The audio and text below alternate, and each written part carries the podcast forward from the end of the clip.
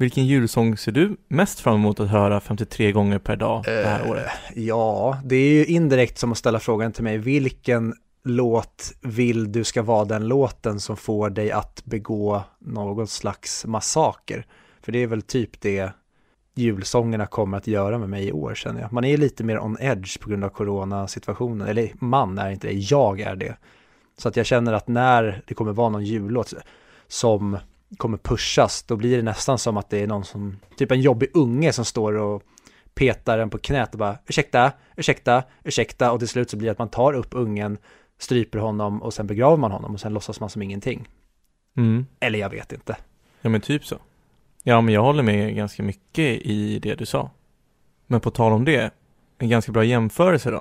Vad tycker du är värst? Alla unga som i kommunaltrafiken spelar klipp eller låtar med sina högtalare så det stör alla. Eller att höra alla de här jullåtarna. Oj. Ja du, det är ju som att fråga vem jag tycker mest illa om, Hitler eller Stalin. Vem du gillar mest menar du då va? Ja, men det kanske är regeringen eller något som lyssnar och då vill man inte komma med några obekväma åsikter. Ehm. Jo, men ja, julgrejerna de kommer ju ändå bara vid en viss tidpunkt per år. Sen slipper man dem ett år, men ungarna de är ju där året runt. Så jag hatar nog jobbiga barn som spelar hög musik i sina högtalare eller lyssnar på saker i icke hörlurar. Hade du sagt till om det var ett gäng ungdomar på bussen eller tunnelbanan om de satt där och lyssnade på Sean Banan eller vad de nu lyssnar på och hade det på högtalare? Nej, jag tycker generellt inte om när man tillrättavisar folk om det inte har att göra med att man gör någonting typ olagligt eller att man förstör någonting. Och att du lyssnar på någonting högt, det känns ju mer som en social kod i Sverige att du inte gör, att vi håller käften och pratar inte högt i telefonen på tunnelbanan eller bussen. Det har ingenting att göra med någon lag, men till exempel slänger någon upp fötterna på sätet. Då, Då säger jävlar. Då brinner det. Men jag tänker lite så att om man aldrig ser till, då lär sig man då lär de sig aldrig de sociala koderna. Om alla bara blickar lite svenskt argt på dem. Nej, men jag tycker att det är, det är för mycket. Det är som att börja städa upp världen. Vad fan ska du börja? Det är, allt är ju så jävla stökigt och skit. Det spelar egentligen ingen roll om du plockar bort din tallrik från bordet. Det är ändå skitigt överallt. Ja men jag tänker om alla drar sitt strå i stacken. Jag vet, jag önskar att man tänkte sådär, men sen går man ut på gatan och så efter fem minuter förstår man att det spelar ingen roll vad jag gör. Och det är som att jag, jag är burit munskydd när jag går på public places sen coronan drog igång, men jag ser att ingen annan gör det och då känner jag mig så hopplös och idiotisk att vad spelar det för roll om jag gör det? Den enda jag skyddar är ju mig själv. Ja, i och för sig. För sen åker man ju oftast tunnelbana eller buss eller någon sorts kommunaltrafik när man redan är trött. Det är antingen till jobbet eller från jobbet. Så då orkar man väl inte säga till någon heller. Så då är det mycket bättre att stoppa i sina brusreducerande hörlurar från studio. Så kan man ha liksom god musik och allting blir bara tyst. Ja, det var di, där du ville hamna. Ja, men då förstår jag. Bra. Köp studio. Tack för oss.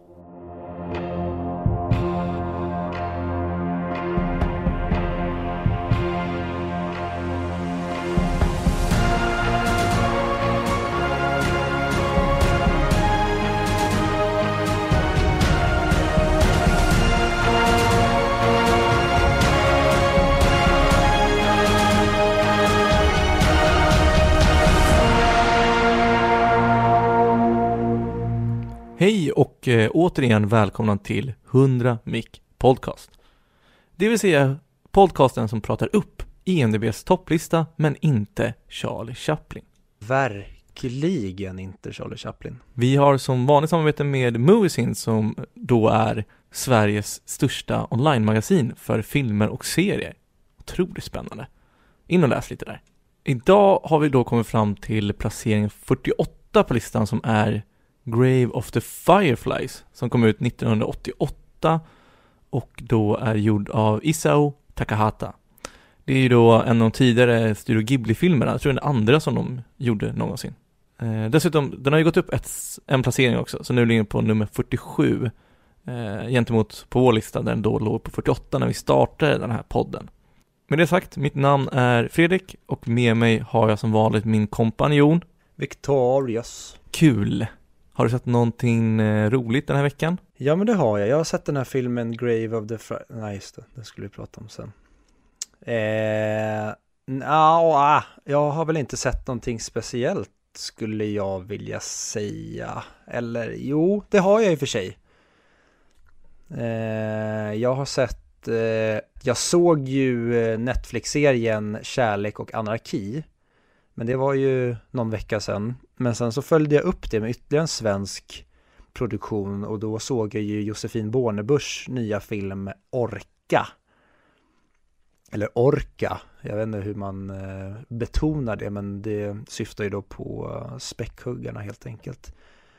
Så det har jag sett, så jag har sett eh, mycket svenskt senaste tiden. Det är väldigt, väldigt eh, ovanligt för att vara mig. Jag försöker undvika svenskt då jag tycker att vi är väldigt, väldigt dåliga på senare år när det kommer till film och tv-serier i det här landet. Vi eh, verkar inte lära oss någonting av våra mästargrannar, danskarna, när det kommer till film och serier. Så att jag försöker undvika svenskt, men eh, har man en sambo som älskar svenskt så blir det ibland att man tvingas att se det. Ja, det är väl Bron som är det enda bra som Sverige har lyckats göra på väldigt länge. Som de gör ja, tillsammans med danskarna. Ja, då får man nog tacka danskarna. Jag tror inte det är på grund av oss svenskar. Det är någon dansk eh, galen producent som skriker på oss så fort vi börjar med våra svenska fasoner. Jag har eh, också sett Kärlek och anarki. Eh, jag har inte sett Orka än dock. Men jag har funderat på att kolla på den. Vad tyckte du om de två? Jag tycker att Kärlek och anarki har en väldigt rolig idé och en ett väldigt roligt koncept. Tyvärr så tycker jag att, jag, jag tycker väldigt mycket om Lisa Langset. Jag tycker jätte, jättemycket om Till det som är vackert med Alicia Vikander. Jag tycker det är en av de bästa svenska filmerna som har gjorts. Sen så tycker jag att eh, hennes film Hotell är en väldigt eh, stabil svensk komedi. Inte sett hennes eh, internationella film Euphoria, men jag har hört att den ska vara så där. Så jag var väldigt sugen på att se den här, det är nog mest därför jag eh, såg den. Jag hade aldrig sett den annars om jag inte visste att det var Lisa Langset som regisserade hela den här säsongen. Men eh, jag tycker tyvärr att det största svagheten med den är regin och skådespeleriet som ibland blir extremt pajigt och överdrivet. Och om jag ska vända, eller om jag då ska baka in eh, orka i det så tycker jag att Orka kanske har ett lite tunt manus. Den utspelar sig ju då under pandemin. Man får följa, jag tror det är 13 karaktärer som alla håller sig instängda och bara kommunicerar med vänner och familj över eh, Zoom eller på telefon. Och det manuset kanske är lite tunt, även fast jag tycker i det här fallet att det är till filmens fördel. Men där tycker jag tvärtom att Josefin Bornebusch förstår för en av de mest äkta och realistiska och naturalistiska regiinsatserna jag har sett en svensk regissör göra på väldigt länge. Så du hade hoppats på en blandning mellan de två då egentligen? Precis, jag hade gärna sett att Josefin Bornebusch hade typ regisserat säsong två av Kärlek och anarki, för då tror jag att det hade kunnat bli guld. Men det kommer vi aldrig få se, tyvärr. Ja, Kärlek och anarki känns ju som en sån serie som är ganska lätt att sätta på en fredagkväll nu under coronatiden och bara egentligen bekymmerlöst titta på den mm och bara njuta och inte lägga någon mer fokus på det. Håller med. Ja, men sånt uppskattas ibland. Ibland vill man bara ha en serie som kanske är sju avsnitt. Det känns som en väldigt lång film. Man tittar på den och sen behöver man inte lägga så mycket mer energi på det. Och det tycker jag, jag är mer, mer arg på Kärlek och anarki än vad jag är förälskad i Orka. Jag tycker att Orka är en jäkligt bra och kompetent svensk film. Bland det bästa vi har fått fram på väldigt länge. Men jag är mer upprörd på Kärlek och anarki för jag tycker att det finns otroligt mycket bra i den serien. Den har jätteroliga koncept och situationer och den håller sig ändå trovärdig. Men så har vi de här situationerna mellan huvudkaraktärerna som jag tror heter Sofie och Max va? Mm, jag tror det. Ja, skitsamma. Jag tror att de heter det. Men där är det att de då börjar ju ge varandra dares, att ge varandra uppdrag, att om du ska få tillbaka den här, det blir som en symbol, vad säger man, en stafettpinne, man ger över ett läppstift blir det och så tvingar de varandra att göra olika utmaningar. Och jag tycker att utmaningarna, och det är jätteroligt den här serien, men det blir så otroligt övertydligt när de ska visa varandra att det här är grejen jag gör nu är utmaningen du gav mig att ingen annan kan missa som är i rummet i serien att de håller på med någonting fuffens. Jag tycker det är synd att de inte låter situationen tala för sig, att de förstår att jag går in nu och gör kaos på det här mötet för att det var det uppdraget du gav mig. Det förstår vi redan. Man behöver inte att de ger som blinkningar eller höjda ögonbryn mot varandra för att visa varandra att kolla vad jag vågar. Det förstör så otroligt mycket. Och det är synd att de inte vågade lämna det och bara låta det vara. Samtidigt så tycker jag typ eh, en skådis som Johannes Kunke som spelar huvudkaraktären Sofie, som jag tror att hon heter, eh, spelar hennes man. Jag tycker att han är svinbra i sin eh, ton och jag köper verkligen honom som en riktig karaktär. Men det tror jag också är för att Johannes Kunke är en väldigt bra skådis mer än att det är någon slags fin balansgång i regin där. Ja, jag förstår vad du menar och jag håller med till viss del. Det känns ändå som att de försökte lite, men lyckas inte hela vägen med det. Det känns mer som att de tänkte att det här är ändå en bisarr situation, så det här kommer ingen ändå tolka mm. realistiskt, så det gör ingenting om inte de andra gör det i serien. Eh, däremot så, jag gillar Ida Engvall eh, som skådespelerska. Ja, jag tror jag bara har sett henne. Hon gör någon mindre roll. Jag såg någon säsong av Bonusfamiljen där hon var med. Men mer än så har jag inte sett av henne. Men jag tycker hon, ja, men hon, hon verkar duktig. Tyvärr så tycker jag att hon eh, vrids upp för mycket här. Man vågar inte låta henne vara nedtonad och realistisk utan det känns väldigt skådespelat hela tiden. Eh, hon är även med i Bron, som den här fotografen, också med mm. i En man som heter Ove. Men till skillnad från en serie som är lite mer lättsmält så har jag även sett eh, sci-fi serien Raised by the Wolves den här veckan. Eh, det är alltså en, en, serie gjord av Aaron Gusikowski och Ridley Scott. Mm, jag tänkte börja se den men eh, den fick så uh, ljummen kritik att jag kände att nej, Ridley Scott, du har nu försökt och försökt och försökt i så många projekt här och jag orkar inte bli besviken ännu en gång. Eh, Mm. Den är 7,8 på EMDB, så den, den är inte jättehögt men fort, det är ju fortfarande ganska högt betyg. Även om nu inte det ser allt. Det är ju en sci-fi, så det är ju verkligen min smak. Det är ju verkligen min typ av serie. Och jag tycker att på något sätt påminner om Lost. Och, jag tror mycket av kritiken kommer till att den har samma storyutveckling som Lost. Det vill säga, den börjar väldigt simpel. Och sen så blir, blir det bara mer och mer fucked up saker, blir mer och mer mysterium. Och bara, jag vill bara veta mer och mer och mer hela tiden. Så jag sugs in i mysterierna, men många tycker att den bara spårar ur. Och det är då jag tänker hela tiden, okej, okay, vad kommer näst? Vad kommer näst? Vad kommer näst? Vad kommer näst? Men får man en payoff då? Är det upplagt att det ska komma en säsong två eller är det mer som en självstående säsong där man får ett avslut i slutet? Det kommer verkligen komma säsong två. Har de bestämt om det ska komma en eller är det fortfarande undecided? Jag har inte kollat det, men jag tror att det är väldigt decided. Alltså, för serien är ju verkligen upplagd för att det ska komma ytterligare en säsong i och med slutet. Mm. Eh, vad är den baserad på? Finns det någon förlaga som de har adapterat eller är det ett helt originalskript? Så som jag tolkar det så är det 100% ett originalskript.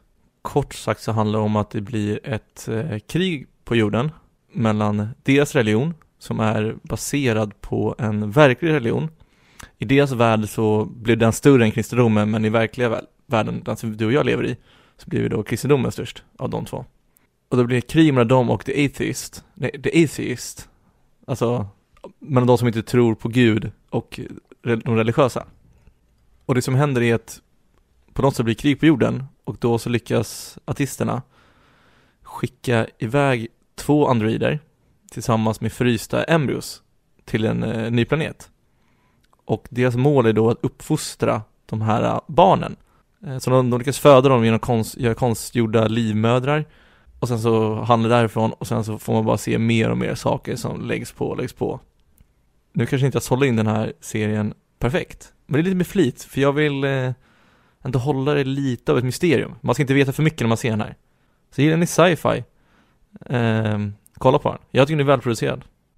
Mm, ja, eventuellt så är det någonting jag kommer kolla in. Jag gillar ju sci-fi när det är påkostat. Jag såg ju tyvärr bara första säsongen av eh, Westworld. Men jag har ju säsong två och tre som jag vet ligger och väntar. De ska ju vara minst stabila. Sen har jag hört blandad kritik om de uppföljande säsongerna också. Men det jag gillar just med sci-fi-serier är när det är snyggt och dyrt och påkostat och det känns som timmeslånga filmer istället för att man ser att det tydligt är en eh, tv-seriebudget och animeringen och effekterna brister. Sånt stör mig på som fan när man gör sci-fi i tv-format eller filmformat också men då brukar det oftast vara bra effekter när vi pratar långfilm. Jag tycker att alla egentligen specialeffekter och skådespeleriet är fantastiskt i Race by the Wolves. Jag tycker det är jättebra. Förutom barnskådespeleriet, som det är barn med, för det är det de uppfostrar. Det tycker jag alltid är en bristfällande grej i filmer med barnskådespelare. Ja, det är intressant. Det är någonting, någonting vi skulle kunna prata om någon gång för det är ju någonting som jag upplever att ju närmare samtiden vi har kommit, ju sämre har barnskådisar blivit, eller ju färre bra barnskådisar ser vi. Mm. Back in the day, det var ju, alltså, ta bara alla Astrid Lindgren-produktioner vi hade i Sverige. Det är ju sjukt vilka skådespelarinsatser de barnen står för. Det är väl hon Katte Edfeldt tror jag som har castat alla dem.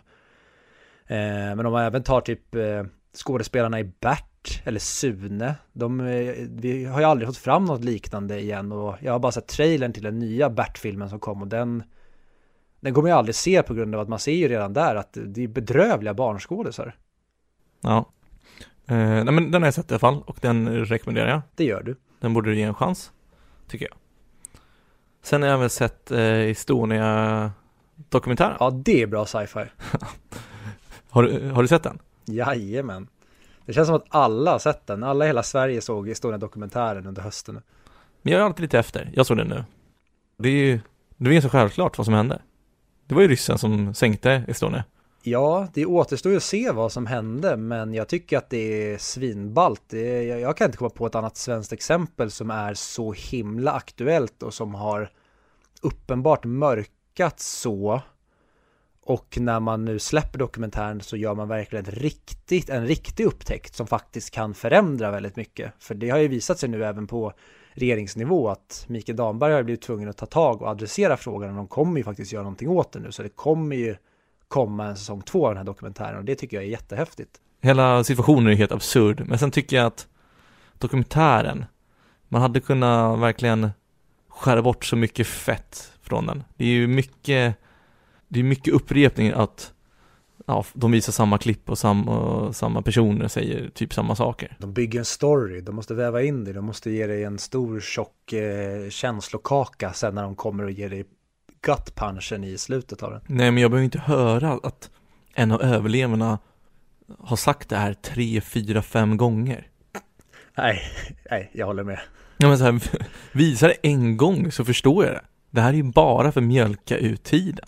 Ja, jo, ja men precis, man sitter ju, det håller jag faktiskt med om några avsnitt när man bara säger men kom till saken nu. Det är så tydligt också när det första man får se är när han kollar in i den här skärmen.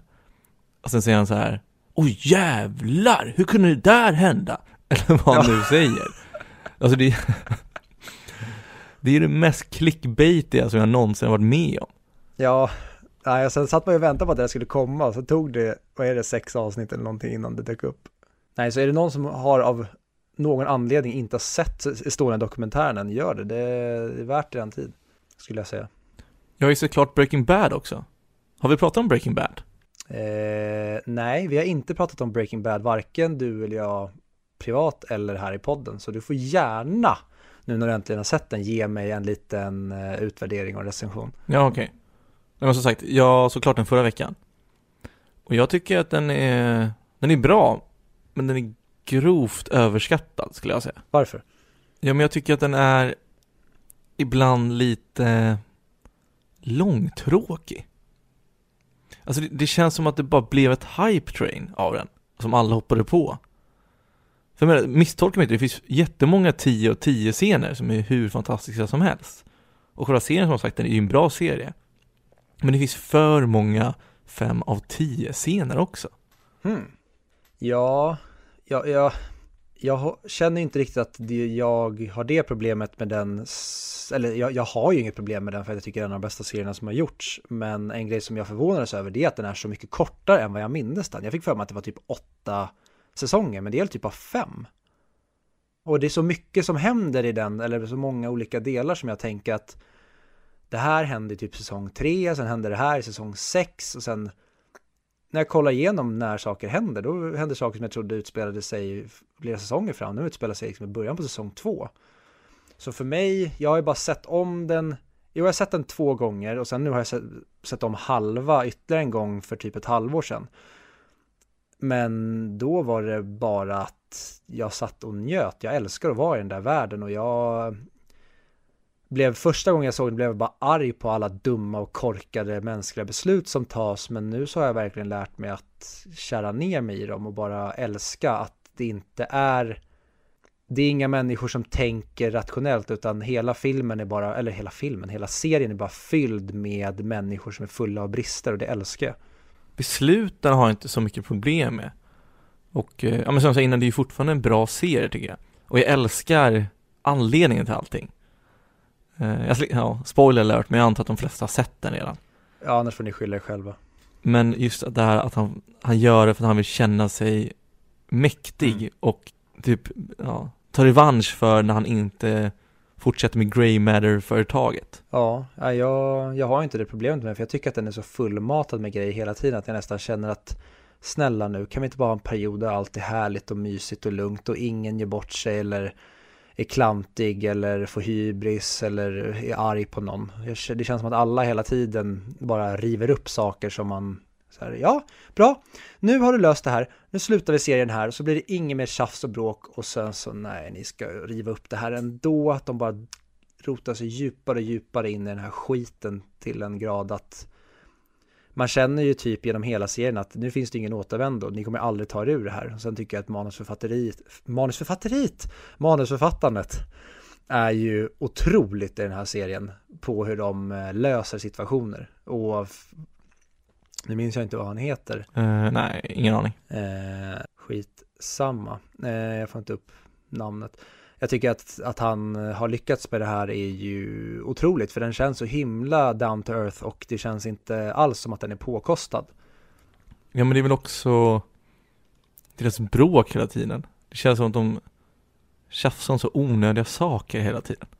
Det är för att de är mänskliga. Ja, ja absolut. Men jag stör mig lite på den anledningen. Det är lite som när vi pratar om Alien också.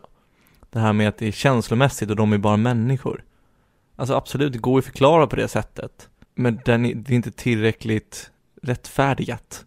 Du köper den inte? Det är inte tillräckligt som anledning tycker jag. Nej, och det är ju tycke och smak. Jag älskar ju när saker faller på grund av att människor i serier och filmer är idioter eller de visar sin mänsklighet snarare än att vi ser per personer som misslyckas på grund av typ, ja det behöver inte vara på grund av att det blir liksom deus ex machina men att det blir att de själva gör saker och failar att de är sopor och felbara. Jag, jag, jag, tycker verkligen om mänskligheten när, när man blir arg på karaktärer och sånt för att du är inte bättre än så här. Och jag älskar dig på grund av att du inte är bättre än så här. Jag hade inte tyckt om det om du var bättre än så här.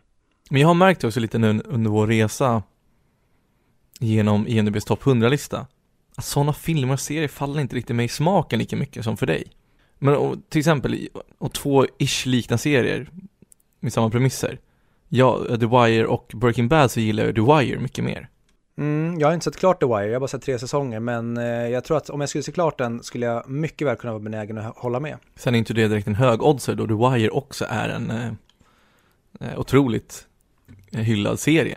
Men jag tänker ändå, alltså, om man ska jämföra deras två takes på droger, hur de är upplagda och det genren de har.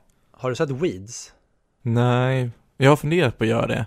Men det känns lite som en medioker TV6-serie, om du förstår vad jag menar då. Du, jag tror inte du kommer bli besviken, jag tror du kommer tycka jättemycket om den. Den är väldigt, eh, den, den har mycket likheter med Breaking Bad, men den är mycket mer humor och eh, goofy. Ja. Så den har mycket mer plojiga och roliga och eh, lite mer överdrivna karaktärer. Där Breaking Bad går åt mer drama och det, det mörka och nedtonade hållet. Där går ju Weeds och vrider upp det, att det blir mer humor. Och det finns karaktärer där, till exempel karaktären eh, Doug är en av mina favoritkaraktärer i serien någonsin. Han är helt magisk. Ja, men jag får ge en chans kanske. Mm. Men på tal om magisk, en, eh, en magisk illustration av hur det var att bo i Japan under andra världskriget är ju då Grave of the Fireflies.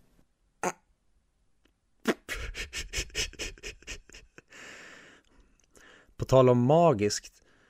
Det är magiskt fint att se ett litet flickebarn svälta till döds. Men det där är ju bara hemskt. Ta tillbaka det där. Ja, nej. Jag, jag, jag är den här personen i film och serier som alltid, spelar ingen roll vilket ämne det är, så lyckas han alltid trampa i klaveret. Nu lyckades jag ännu en gång. Och på tal om klaver, andra världskriget, det var ett jävla tramp i klaveret. Ja, ja. Ska vi prata om filmerna? Är du redo? Jajamän, nu åker vi.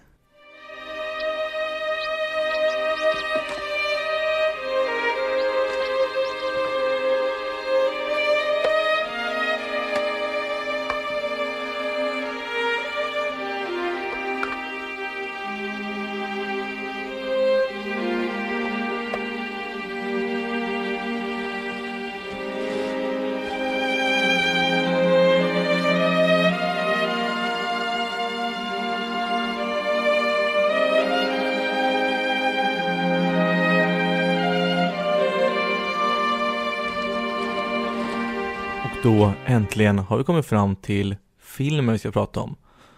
Hotaru Nohaka, eller då på engelska The Grave of the Fireflies. Den kom då ut 1988. En Studio Ghibli-film som är gjord av Iso Takahata. Det rimmar ju nästan. Hotaru Nohaka, gjord av Iso Takahata. Nog om det. Viktor, hade du sett den här filmen innan? Ja, en gång tidigare hade jag sett den här och Eh, jag kommer återkomma till det som jag alltid återkommer till när vi pratar om filmer som jag har sett tidigare. Att jag minns den här filmen väldigt mycket sämre än vad jag trodde att jag gjorde. Hade du sett den tidigare? Eh, nej, jag tror verkligen inte det. Kanske någon gång när jag var liten i så fall. Eh, I skolan eller liknande. Det tror jag inte. Men jag hade hört talas om den. Och jag menar, jag älskar ju alla Studio Ghibli-filmer jag har sett. Det är ju verkligen, det är ju verkligen magi för mig. Så jag såg väldigt mycket fram emot den, men förväntningarna var skyhöga. Men sen hade ju Sebastian Mattsson i förra avsnittet dragit ner det lite. När han sa att man var psykopat om man inte grät i den här filmen, eller vad han nu sa. Du var rädd. Och jag menar, vem vill utsätta sig och kolla på en film där du vet att du bara kommer må dåligt och gråta? Det är typ min förhoppning varje gång jag ser en film att nu jävlar ska jag bli berörd till tårar. Ja, men det är ju utmattande också på något sätt. Man måste verkligen vara i rätt sinnestillstämning när man ska se en, sån här film. Och det får man ju inte alltid nu när vi egentligen halvt tvingar oss till att se filmerna. Så när man vet att man ska gråta i den här, då blir det att man laddar upp på det sättet. Och som sagt, det är ju väldigt, det är ju jobbigt. Precis, så att eh, frågan är ju, är du en psykopat eller grät du? Det kan ha kommit någon tår. Det kan. Det kan ha kommit någon tår. Svara ärligt ja eller nej. Ja, nej, ja, nej. Det kom en tår. Ja, bra. Skönt. Slapp jag polisanmäla dig. Ja, skönt. Hur var det för dig? Jo. Det, det, ja, jo. Den är så svår att sätta fingret på den här. Jag förstår inte varför du gör en animerad film som ser ut att vara för barn och sen så är det någonting helt annat som händer som är så mörkt och... Åh, alltså den här får ju Joker att se ut som en komedi. Ja, verkligen. Men det är det som är så fina med den här, för den är så vacker och glad på ytan. Men den är så djup, bland annat musiken som händer. De sätter ju dock eh, premissen ganska tidigt, så jag tänker vi kan hoppa rakt in på filmen. Mm. Och vi får ju egentligen följa en, eh, en storbror och en, och en lillasyster. Storebror är typ 11-13 års åldern och lillflickan skulle jag gissa på 67. Och då får vi då följa hur de överlever i ett Japan som är mitt under andra världskriget. Eh, snarare mot slutet egentligen av andra världskriget. Och man får se då hur de, deras vardag och hur de överlever alla olika bombattacker. Ja, och du får egentligen veta, det, filmen börjar med att eh, lilla Satsuko, han berättar ju att eh, han dör år 1945, alltså slutet av kriget. Ja, exakt. Han dör ju efter kriget. Och den här filmen börjar egentligen likadant som många andra filmer vi har sett på den här listan börjar. Vi får se att han dör och han berättar det till och med.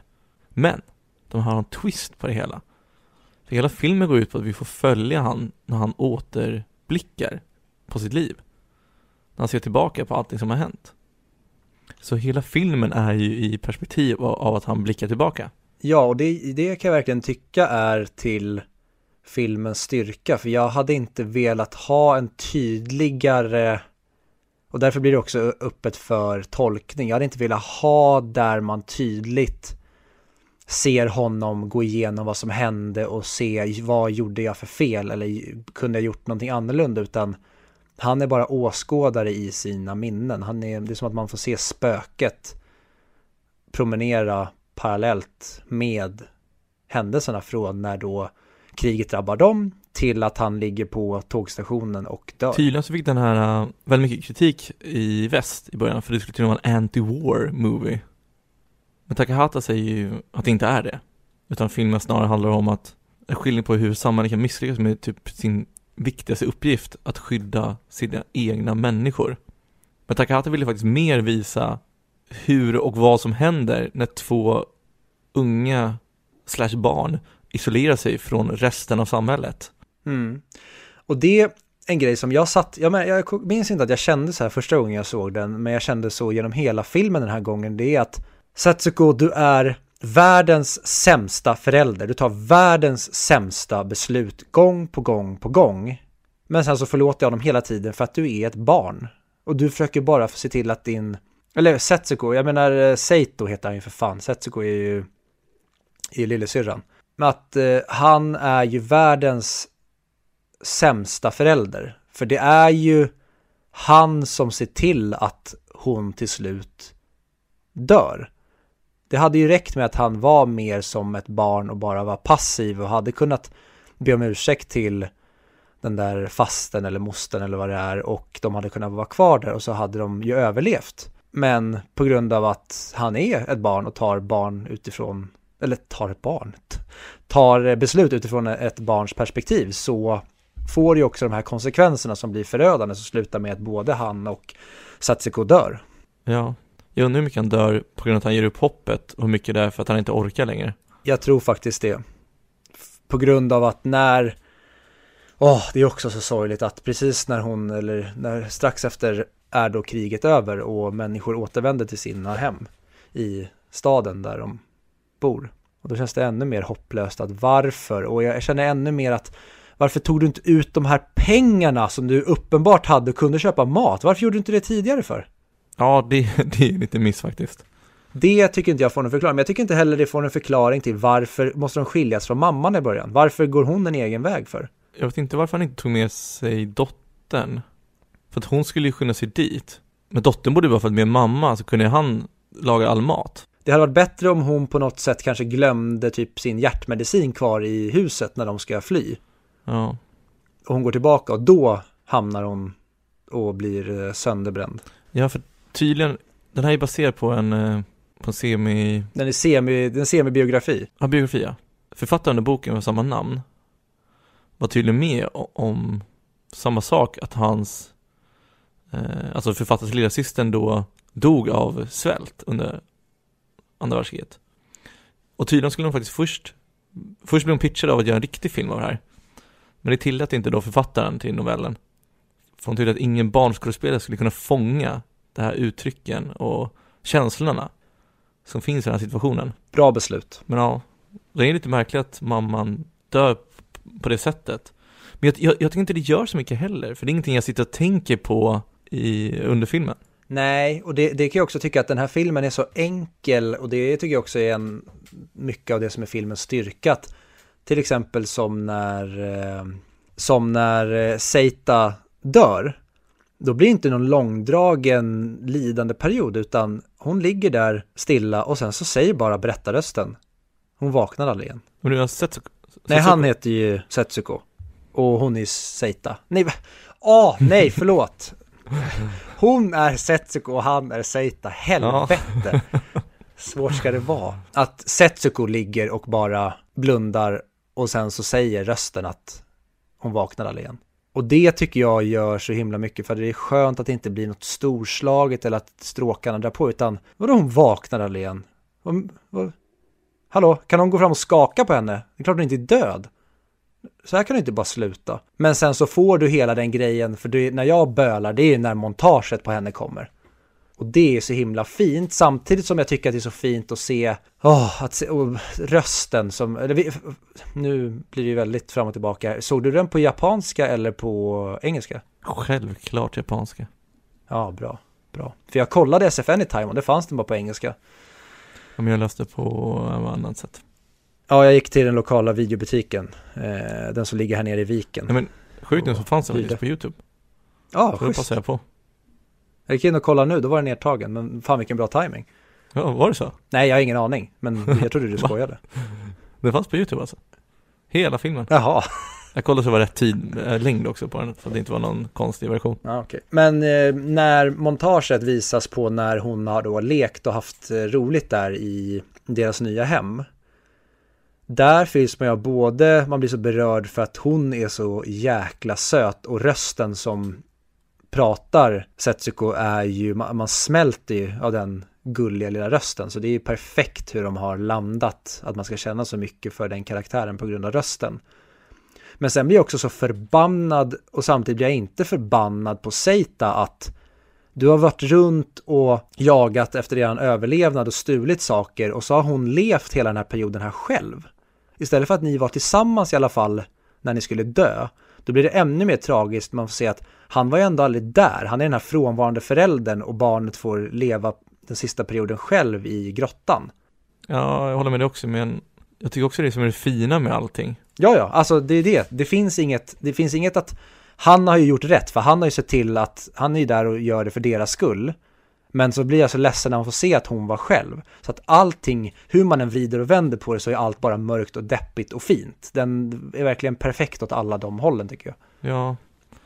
För att det enda han har gjort hela tiden är att offra allt sitt eget för att skydda och hjälpa sin lilla syster. Mm. Det är därför man får den här verkligen hopplösa känslan. Allting känns så hopplöst när hon dör. För att han sitter där vid graven och man känner bara, och det känns som han känner att vad har jag kvar att leva för? Ja men lite som om man ska jämföra med en film som vi ändå pratade om nyligen med Joker att det vänder aldrig. Det kommer några små episoder av framgång men det är bara saker som sker som blir, det blir en till negativ grej, en till negativ grej.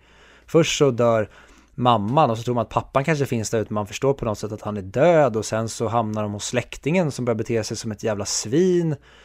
Och sen så tar de sig ut och ska, och de fixar det här riset, men riset får de inte behålla så det slutar med att det blir dålig stämning där så de skaffar sig ett nytt boende. Boendet verkar bra i början men liksom allting verkar som att de tar nya beslut för att det ska bli bättre men det slutar bara med att det blir sämre och sämre och sämre. Men tar inte ut pengar där först och köper ett stormköket? Jag tänker att anledningen till varför det är märkligt att han inte tar ut allt tidigare är ju för att han måste ju upptäckt tidigare att hon mår skit. Typ varför tar du inte ut pengar och löser någon slags medicin eller går till doktorn och löser salva när hon uppenbart har de här utslagen. Men om man då ska vara 11 år, då ja, en 11-åring tänker inte bättre än sådär. Nej. Och som vanligt med Studio Ghibli så är det ju oerhört vackert animerat. Väldigt, väldigt, väldigt fin. En annan fascinerande sak, eller två saker tydligen. Eh, första, Takata var tydligen den enda levande animationsartisten som hade själv varit med om en eh, sån här bombattack. Så jag antar att han kunde då verkligen illustrera och måla upp hur det verkligen såg ut, eller framförallt fånga den känslan över hur det var under en bombattack då. Och det märker man ju, tycker jag, och den här rädslan när raiden börjar och de måste se till att allt måste fixas och fly undan och alla män är till att släcka. För det tycker jag är kul för när de gjorde den här filmen, illustratörerna undvek att använda svart färg och använde mer brunt för att få det att se lite mer lättsamt ut. Jag vet inte, jag, jag, vi sa ju de delarna med i storyn där att man inte riktigt förstår varför vissa beslut tas, men de kan man ju samtidigt förklara, så jag, jag har egentligen inget problem med den här filmen känner jag mer än att jag hade typ velat ha lite, jag hade typ velat ha den lite längre. För jag mindes den som att det var många fler grejer som skedde. Jag fick för mig att man fick se mycket mer utdraget när de flyttade in, eller från att de flyttade in i grottan tills att Setsuko dör. Men det går ju ganska snabbt och den är ju bara en och en halv timme. Det var perfekt längd. Ska jag veta heller så vill inte jag vara i den världen längre än en och en halv timme. Nej, det, det är mörkt och jag är så otroligt det du sa om eh, animationen här. Jag har aldrig sett en så creepy animation när det kommer till ja, manga eller om det är det man kallar den där stilen, men när de filmar, eller filmar, när de animerar mamman som ligger helt bandagerad. Ja, det håller jag med om. Det ser så otroligt vidrigt ut fast det bara är vanligt tecknad liksom Pokémon-style. Men det här med att du tyckte att den var kort. Jag läste en review, de tog upp det här att eh, japanska poeter tar till upp någonting som heter, någonting som heter pillow words. Och den här filmen använder någonting som kallas för pillow-scener då. Det är mycket så här mellan scener, så kan, kan dröja kvar på naturen eller dröja kvar på någon annan människa. Ja, för det är det jag också känner att jag saknar lite, att jag hade verkligen velat ha mer kött, eller de kunde lägga in mer, bara ännu mer bilder på där de lider. För det är det jag tycker att den här filmen gör som bäst. Att jag mår så dåligt när saker går åt helvete för dem. Och jag hade känt att jag hade velat ännu mer där han kanske håller på ett längre tag och försöka rädda henne. Men samtidigt så kanske inte det jag ville ha alls som jag väl hade fått det. Den kanske är så perfekt i sin enkelhet som den är. Men det är där jag tycker det känslomässiga blir starkare. När man bara får se dem, att de försöker må bra hela tiden. Och bara försöker le och ha kul. Och sen när man får se hur, hur mager den är och alla utslag. Och sen när man till slut gör det här risbollar av lera. Så går det inte att få en starkare känslomässig punch i magen. Det hade inte kunnat vara starkare om det nu skulle vara deppig rakt igenom, tänker jag. Nej, där känner man ju verkligen att helvete, nu är hon inte, nu mår hon inte bra. Men det kändes ändå inte som att nu kommer hon nästan att dö. Det kändes ändå som att det skulle komma något slags klimax där och det är kanske därför jag känner mig så himla tom när den här filmen väl är slut. För den slutar så himla tvärt. Och jag, jag lämnar så himla tom av den. Ja, sen är det så också, i efterlivet är det väl bara de två. De får ju träffa sina föräldrar. Nej, men det är det jag tror i början. För filmen börjar ju med att Setsukos spöke är på den här lilla, det lilla fältet. Och sen kommer Seitos, eh, eller Seitas eh, spöke och träffar henne och så får man se det här lyckliga. Och sen så sätter de sig på tåget och då tar jag det som att nu är de, de sitter på tåget och färdas till himmelriket. Och där tänker jag att där kommer de få träffa sina föräldrar. Att det finns ändå ett fint avslut på det här. Mm. Som när de sitter där och kollar ut över Tokyo tror jag att det är. På den här bänken som spöken. Att det finns ändå ett, någonting fint med att deras spöken får vara tillsammans till slut. Otroligt fin film. Bara scenen med alla eh, Fireflies eldflugor i grottan. Och hon, hon säger gråtfärdig Why do fireflies have to Mm. die so young? Medan hon eh, begraver dem på samma sätt som eh, hon tror att sin mamma då blev begraven. Mm. Och så är det ju typ hon själv som hon pratar om. Att hon är som en Ja. eldfluga sen att det är hon som dör ung också. Men jag tänker också, jag, det känns inte som att folk är nödvändigtvis onda i det här samhället som vi får se. Utan det är snarare att, det är snarare att de inte har något annat val. Att de hjälper till så mycket de kan. Men de tänker först, fortfarande på sig själva först. Ja, och där vi, alltså japansk kultur är ju vad jag har läst och hört, jag har ju aldrig varit i Japan så jag kan inte säga det, men att den är väldigt kall. Den bygger ju mycket på stolthet och skam, att folk, de här sociala koderna bygger mycket på det. Och det märks ju verkligen här att det blir lite som att, ja, jag ser över mig själv först och sorry, jag kan inte hjälpa det för jag måste ro om mig själv före någonting annat. Jag tycker det speglas skitbra i den här filmen. Med att det känns inte som att det är någon värme eller att folket går ihop och man gör det här tillsammans. Det känns bara som att every man for himself, det är superindividualistiskt. Ja, men jag tycker ändå det känns som att de hjälper varandra i den mån de kan. Är den enda jag egentligen tycker, alltså, och han tycker jag inte ens gör det fullt ut, det är ju den här mannen som Seita köper massa saker av. Men även han slutar hjälpa dem till slut när det börjar påverka honom för mycket. Nej, polisen hjälper honom. Bonden försöker ju. Men sen säger bonden att han knappt har någon ris till sig själv, så han kan inte sälja någon mer ris till dem. Mm. Och sen får man ju se en snäll själ gå och lägga ris där i början när han ligger där i tunnelbanestationen. Ja, men då är det ju också bättre tider när han ligger på tunnelbanestationen. Men jag tycker ju inte att, ja, han stoppade honom från att få mer stryk och hotade den här snubben med att eh, du har spöat upp en minderårig. Men jag ser ju inte det här med att det är för i helvete en liten, jätteliten flicka och hennes storebror. Varför är det inte någon som tar in de här två och bara ser till att de i alla fall har tak över huvudet? Mm. Ja men det är väl för det är så mycket. Det är inte det är lite rädsla som jag har nu under corona också. Att bli en i mängden. Att bli en siffra på pappret. Att det finns en läkare och tusen behöver hjälp. Han inte till individen. Och det är lite det som händer nu i filmen. Så det är därför det blir sånt perspektiv för mig. Att de, de är bara en i mängden. De måste själva se, ta hjälpen, de måste själva säga vi behöver hjälp. Och jag tror de är för unga för att förstå att det är det de behöver. Mm. Så blir det så här, ja, ah, hon har bara det här, hon behöver bara äta. Och då får man se stark scen när han säger How do I get food? Ja, nej, alltså jag, jag håller verkligen med och det som du säger, dra liknelsen till eh, coronasituationen att man blir verkligen, eh, de människorna som hittills har dött, vad är det, 6 500? De, de är bara en siffra för de flesta, men det är ju faktiskt människor som är familjemedlemmar och vänner och vad det nu än är som har gått bort. Det känns nästan som att de glöms bort. När ska de få sin, inte begravning, men när ska samhället på något sätt försöka ge dem någon slags, inte gengäld i fel ord, men kanske någon slags, ja, svenska ordet jag tappar, men någon slags redemption. Det, det känns verkligen som att de, de bara glöms bort här och det japanska samhället misslyckas med att ta hand om sina egna.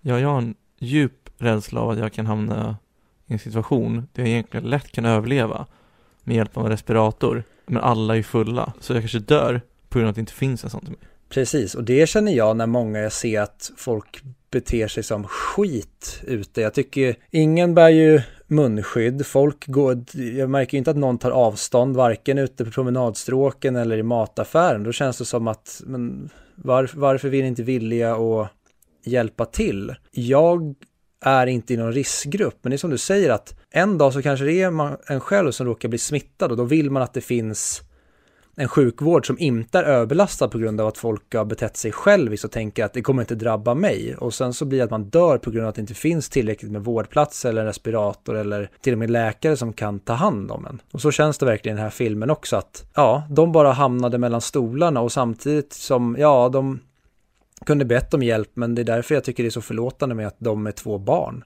de vet inte bättre. De tror att de ska ut och leka, att det är jättekul att bo i en grotta och där kan man leka och må bra. De förstår ju inte själva att nej men ni kommer förmodligen bli sjuka och sen när de väl är där då, då ber de inte om ursäkt, de har för mycket stolthet och så stannar de kvar där och det slutar med att det blir deras död. Mm. Ja, precis.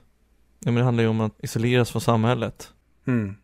Sen tycker jag att den här symboliken med eldflugorna är så jäkla snyggt porträtterad i den här inte bara det som vi nämnde med att hon Setsuko pratar om alltså riktiga Fireflies som att de har ett kort livsspann och att hon begraver dem och kopplingen till mamman där utan även det som vi sa att hon är ju som en eldfluga själv. Hon dog snabbt, hon hade kort livsspann och samma sak blir det ju för Seita.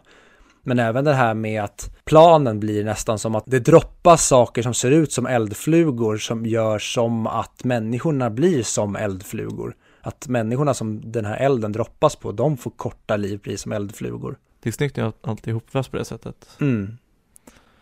Men det jag tycker är lite skönt också, är att allt behöver inte vara så långt. även, om det är, även om det är motsatsen till det du sa tidigare. Eh, men typ som, typ som de andra barnen när de går förbi deras hem. Och så är de nära och bara, åh, kolla hur mycket ölflugor. Och vem äter grodor? Jag tycker det var en fin scen för att visa hur off de är mm. från samhället och hur de lever på sitt egna fattiga sätt. Jävlar vad jag hatar deras eh, faster eller moster, vad det nu är. Ja, men det är en så absurd grej. Att de säljer deras mammas kläder och sen behåller massa ris själv och blir sur på dem för att de vill ha sin del av ris. Ja, riktig äckelkärring. Och att hon blir arg när det är en liten flicka som gråter på natten för att hon saknar sin mamma. Då kommer hon in och gapar och skriker på dem. Ja, ja det är bara sjukt. Men där tror jag att och det är kanske är dåligt porträtterat eller dåligt, att det inte blir så tydligt att det är, gör ju hon av rädsla för att det ska sluta med att hon själv svälter ihjäl. Att Ja. hon agerar inte rationellt för att hon är rädd för att de här barnen ska bli hennes egen död. Att hon har landat med ett för stort ansvar och ansvaret kan göra med att ta maten slut, ja då är, kommer det vara barnen kanske som får maten först och då offrar man henne först eller något sånt. Hon får väl panik att barnen skriker också. Mm. Ja, hon är ju själv i den här situationen, alltså hennes stad, hon är ju med om bomberna själv sen, så att hon är väl lika rädd som alla andra. Så hon är också på, som på nålar. Men jag tycker verkligen du ska se om början på filmen nu när du har sett den. För den hade lika gärna kunnat ligga jättebra som ett slut på filmen. Jag tycker det är skitkaxigt av dem att börja med den. För i början av filmen makes det no sense. Man förstår inte riktigt hur saker hänger ihop. Utan det unfoldar ju längre filmen går. Men de hade lika gärna kunnat lägga början som ett slut. Och då hade det blivit mycket tydligare och mer linjärt. Men jag gillar att de vågar göra det. Så att nu när man ser om den och vet om vad filmen handlar om. Då blir den delen mycket tydligare. Jag, jag har kunnat klaga lite på innan, man kan visa hur personen dör. Mm. Men jag tycker inte det är någon fara med den här filmen. Dels så undrar man ju då under hela filmen, vad händer med lilla systern? Ja. Jag, jag glömde bort som vanligt att den dog, men men det var mest lilla syster jag var nyfiken på. Så jag, jag trodde att han skulle offra sig själv för att hon skulle överleva då. Så det blev ju mysteriet för mig. Men sen också det här som vi pratade om tidigare, att vi får följa med och se hans ande. Och jag tycker att det rättfärdiga hela upplägget. Ja, nej det här är, det är en jätte, jättebra film. Det är en film som jag tror ingen som ser den kommer ju lämnas oberörd. Och som Sebastian sa i förra avsnittet, lämnas du oberörd av den här filmen, ja då är du ju en psykopat. Så att jag tycker att vi borde ringa CIA, FBI, Säpo och alla och säga det att om ni ska ta reda på om en person är psykopat, visa en Grey of the Fireflies. Gråter de inte eller blir de inte berörda, ja men då är det bara att sätta dem bakom lås och bom så vet vi att de aldrig kommer göra någon illa igen. Eller igen, eller kommer aldrig göra någon illa. Ja. Men det är så svårt att prata mycket mer om det här tycker jag. Man orkar typ inte. Den är jobbig att prata om, tycker jag. Jag håller verkligen med. Jag blir, jag blir bara deprimerad av den och jag tycker det är en superbra film. Tänk att visa om man pratar om andra världskriget i skolan och vara typ mellan, eller det spelar ingen roll om du är lågstadie, mellanstadie eller högstadielärare. Visa den här för eleverna, för att visa och skildra andra världskriget på ett väldigt eh, underhållande men väldigt mörkt och eh, påtagligt sätt. Men risken då är väl att de tänker att det inte är verkligt, för att det inte är animerat. Mm, och då är de psykopater och då vet de redan där. Plocka lille Erik i tvåan eller plocka Mange i fyran och så sätter ni dem på kåken. Ja. Det känns mer tomt. Mm. Det känns bara deprimerande. Vad mer finns att säga om den här filmen? Det här går ju bara ut på att spela på mina känslor. Och få mig att må dåligt. På, på ett sjukt nog otroligt vackert sätt. Det här är ju konst. Ja, och jag tycker den är så himla annorlunda. Nu har inte jag sett alla Studio Ghiblis filmer, men framförallt från de Studio Ghibli-filmerna som jag har sett, till exempel Spirited Away eller filmen som vi såg längre ner på listan, Princess Mononoke. Den är ju så... De andra är ju så tydligt eh, fantasy. Den här är ju väldigt, väldigt down to earth och verklighetstrogen förutom spökdelen, men det är ett element som jag inte tycker tar bort någonting av verklighetsförankringen. Det är bara någonting som adderar snarare när det är tecknat. Jag håller med. 100%. Jag har så svårt att avgöra vilken Studio Ghibli-film jag tycker om mest, för på förhand så är det ingen som klockrent är att men den här är överlägset bästa, utan alla håller typ en liknande nivå samtidigt som jag inte tror att någon når upp till en fullpoängare nu när jag tänker på de andra, andra titlarna och det är väl bara Spirited Away tror jag som är kvar på listan av Studio Ghibli-filmerna efter den här. Ja, vi kommer ju prata om den eh, högre upp på listan, men jag tror ta mig fan att Grave of the Fireflies är den bästa Studio Ghibli-filmen enligt mig. Där vet inte jag riktigt om jag håller med. Vad satte du på uh, Princess Mononoke? Eh, nio tror jag. Hmm. Ja men vad fan, vi kan väl lika gärna gå in på betyg då. Så du får ju säga vad du eh, sätter på den här. Utförandet 10 av 10. Filmen i, i fallet mitt tycke om den, hur gärna jag vill se om den och hur jag ser på den, 9 av 10. Okej, så du sätter ändå ett, en 9 av 10 som betyg på den. Men jag vill fortfarande inte att, som film tycker jag 10 av 10. Jag älskar att jag har sett den, men jag älskar inte att se den. Ja men om du ska sätta ett betyg på den, du behöver aldrig mer se om den om du inte vill det. Men om du skulle säga till någon så här, jag tycker att Grave of the Fireflies är så här bra. Hur bra säger du att den är då? 9 av 10. Och hör den hemma på topp 100? Definitivt. 40, 40 mick. Okej, så ändå lite högre upp än vad den befinner sig. Ja, Men den är ju i gränslandet mellan 9 och 10. Jag förstår och jag eh, sätter precis samma betyg. Jag hade en 8 på den här innan såg jag. Och den når inte upp till en 10 av 10 för mig. Jag tror det är för att jag förväntade mig någonting mycket det kan också vara att jag är inne i en sån period. Den berörde mig inte så mycket den här gången som den gjorde första gången, men jag minns känslan för första gången så otroligt mycket. Att jag var helt bedrövad efter första gången jag såg den. Det kan ju vara för att den här gången så tog den ju inte mig by surprise, för att jag visste vad som skulle hända. Men jag tror också lite att det var Sebastian Mattsson som förstörde lite för mig. Genom att säga att den redan skulle vara så sorglig. Den här punchen, jag var mer förberedd på den. Jag hann spänna mm. magen. Så skulle jag säga så skulle jag bara låta det ske. Nu så att det spände mig, både metaforiskt och känslomässigt. Mm. Ja, jag, jag förstår och jag tycker att jo, men den är hemma på IMDBs topp 100 för mig, men jag tror inte jag skulle sätta den så högt upp som den befinner sig. Den kanske skulle bli runt 80 för mig då. Men jag förstår det 100%. Jag har märkt att jag uppskattar verkligen de här animerade filmerna, för det är så fint konst. Och det utforskar så intressanta saker ibland. Mm. Till exempel när vi pratade om Race by the Wolves innan, det är därför jag gillar den också. Det är inte den bästa serien rent utförandet, men utforskar någonting väldigt int intressant. Ja, men eh, fan det känns som vi blev så jävla deppiga det här avsnittet. Det var ett skämt Victor. Nej, nej, jag har inte redan stämt. Jag ångrar mig. Jag vet, jag vet vad som kommer komma då. Precis. Väck inte björnen som sover. Du kommer inte gilla det som kommer ut ur grottan. Nej. Jag tycker vi, eh, jag i alla fall känner mig klar med den här. Nu ska jag försöka låta lite gladare. Fast jag är väldigt ledsen och neddragen. Kul för den som lyssnar på den här podden på vägen till jobbet, tänkte jag säga. Nu är det ingen som åker in till jobbet. Men säg, säg någon som tar en promenad då, ska jobba hemma. Eller ska jobba med något väldigt viktigt och måste åka in till jobbet. Så tänker jag så här, nu ska jag börja dagen bra och bli taggad med 100 mick. Med mina nya studio-hörlurar. Och sen blir det så här, glömde inte 100 mickkoden. Så blir det bara så här jättedeppigt. Ja, men eh, jag hoppas att personen som hör det också har sett filmen så den fattar väl vad som väntar. Det var kul om vi sa, satt och var Ja men fy fan vad det är roligt när hon ligger där och så säger han bara och så vaknar hon aldrig igen. Det är så jävla sjukt. Vilken nästa veckas film? Nästa vecka, då blir det ju den, eh, jag tänkte säga den tredje, men jag kommer på att eh, Quentin Tarantinos Once upon a time in Hollywood, den är inte på någon IMDBs topplista, men eh, då ska vi se Once upon a time in the West. Vad är det den heter på svenska? Jag lär mig aldrig. Den heter ju typ, ja ah, det är väl den som, den heter ju Harmonica, en hämnare va? Uh, för mig står inte vad den heter. Men det är mycket möjligt att den heter så. Ja, jag är nästan säker. Jo, precis. Den, den heter det. Det är ju sjukt. Får kliva många på fötterna. Kliv alla du vill på fötterna, jag backar dig. Walla. Jag är så jävla otaggad på scenen. Jaha. Ja men då så. Den är ju bara, en, den är bara två timmar 45 minuter så det går ju väl snabbt oh, att bränna fy fan. Den, eh, det är ju en sån här, det är ju verkligen också, precis som vi sa med Casablanca, det är ju en klassiker verkligen. Och för er som är sugna på att eh, se den så går den att hyra på Blockbuster, Google Play, iTunes, Rakuten TV, SF Anytime och YouTube Movies. Och Följ oss som vanligt på våra sociala medier. Facebook, Twitter, Instagram, Hundamik, Podcast. Kul. Lämna gärna en review. Ge oss en till fem stjärnor på din poddspelare.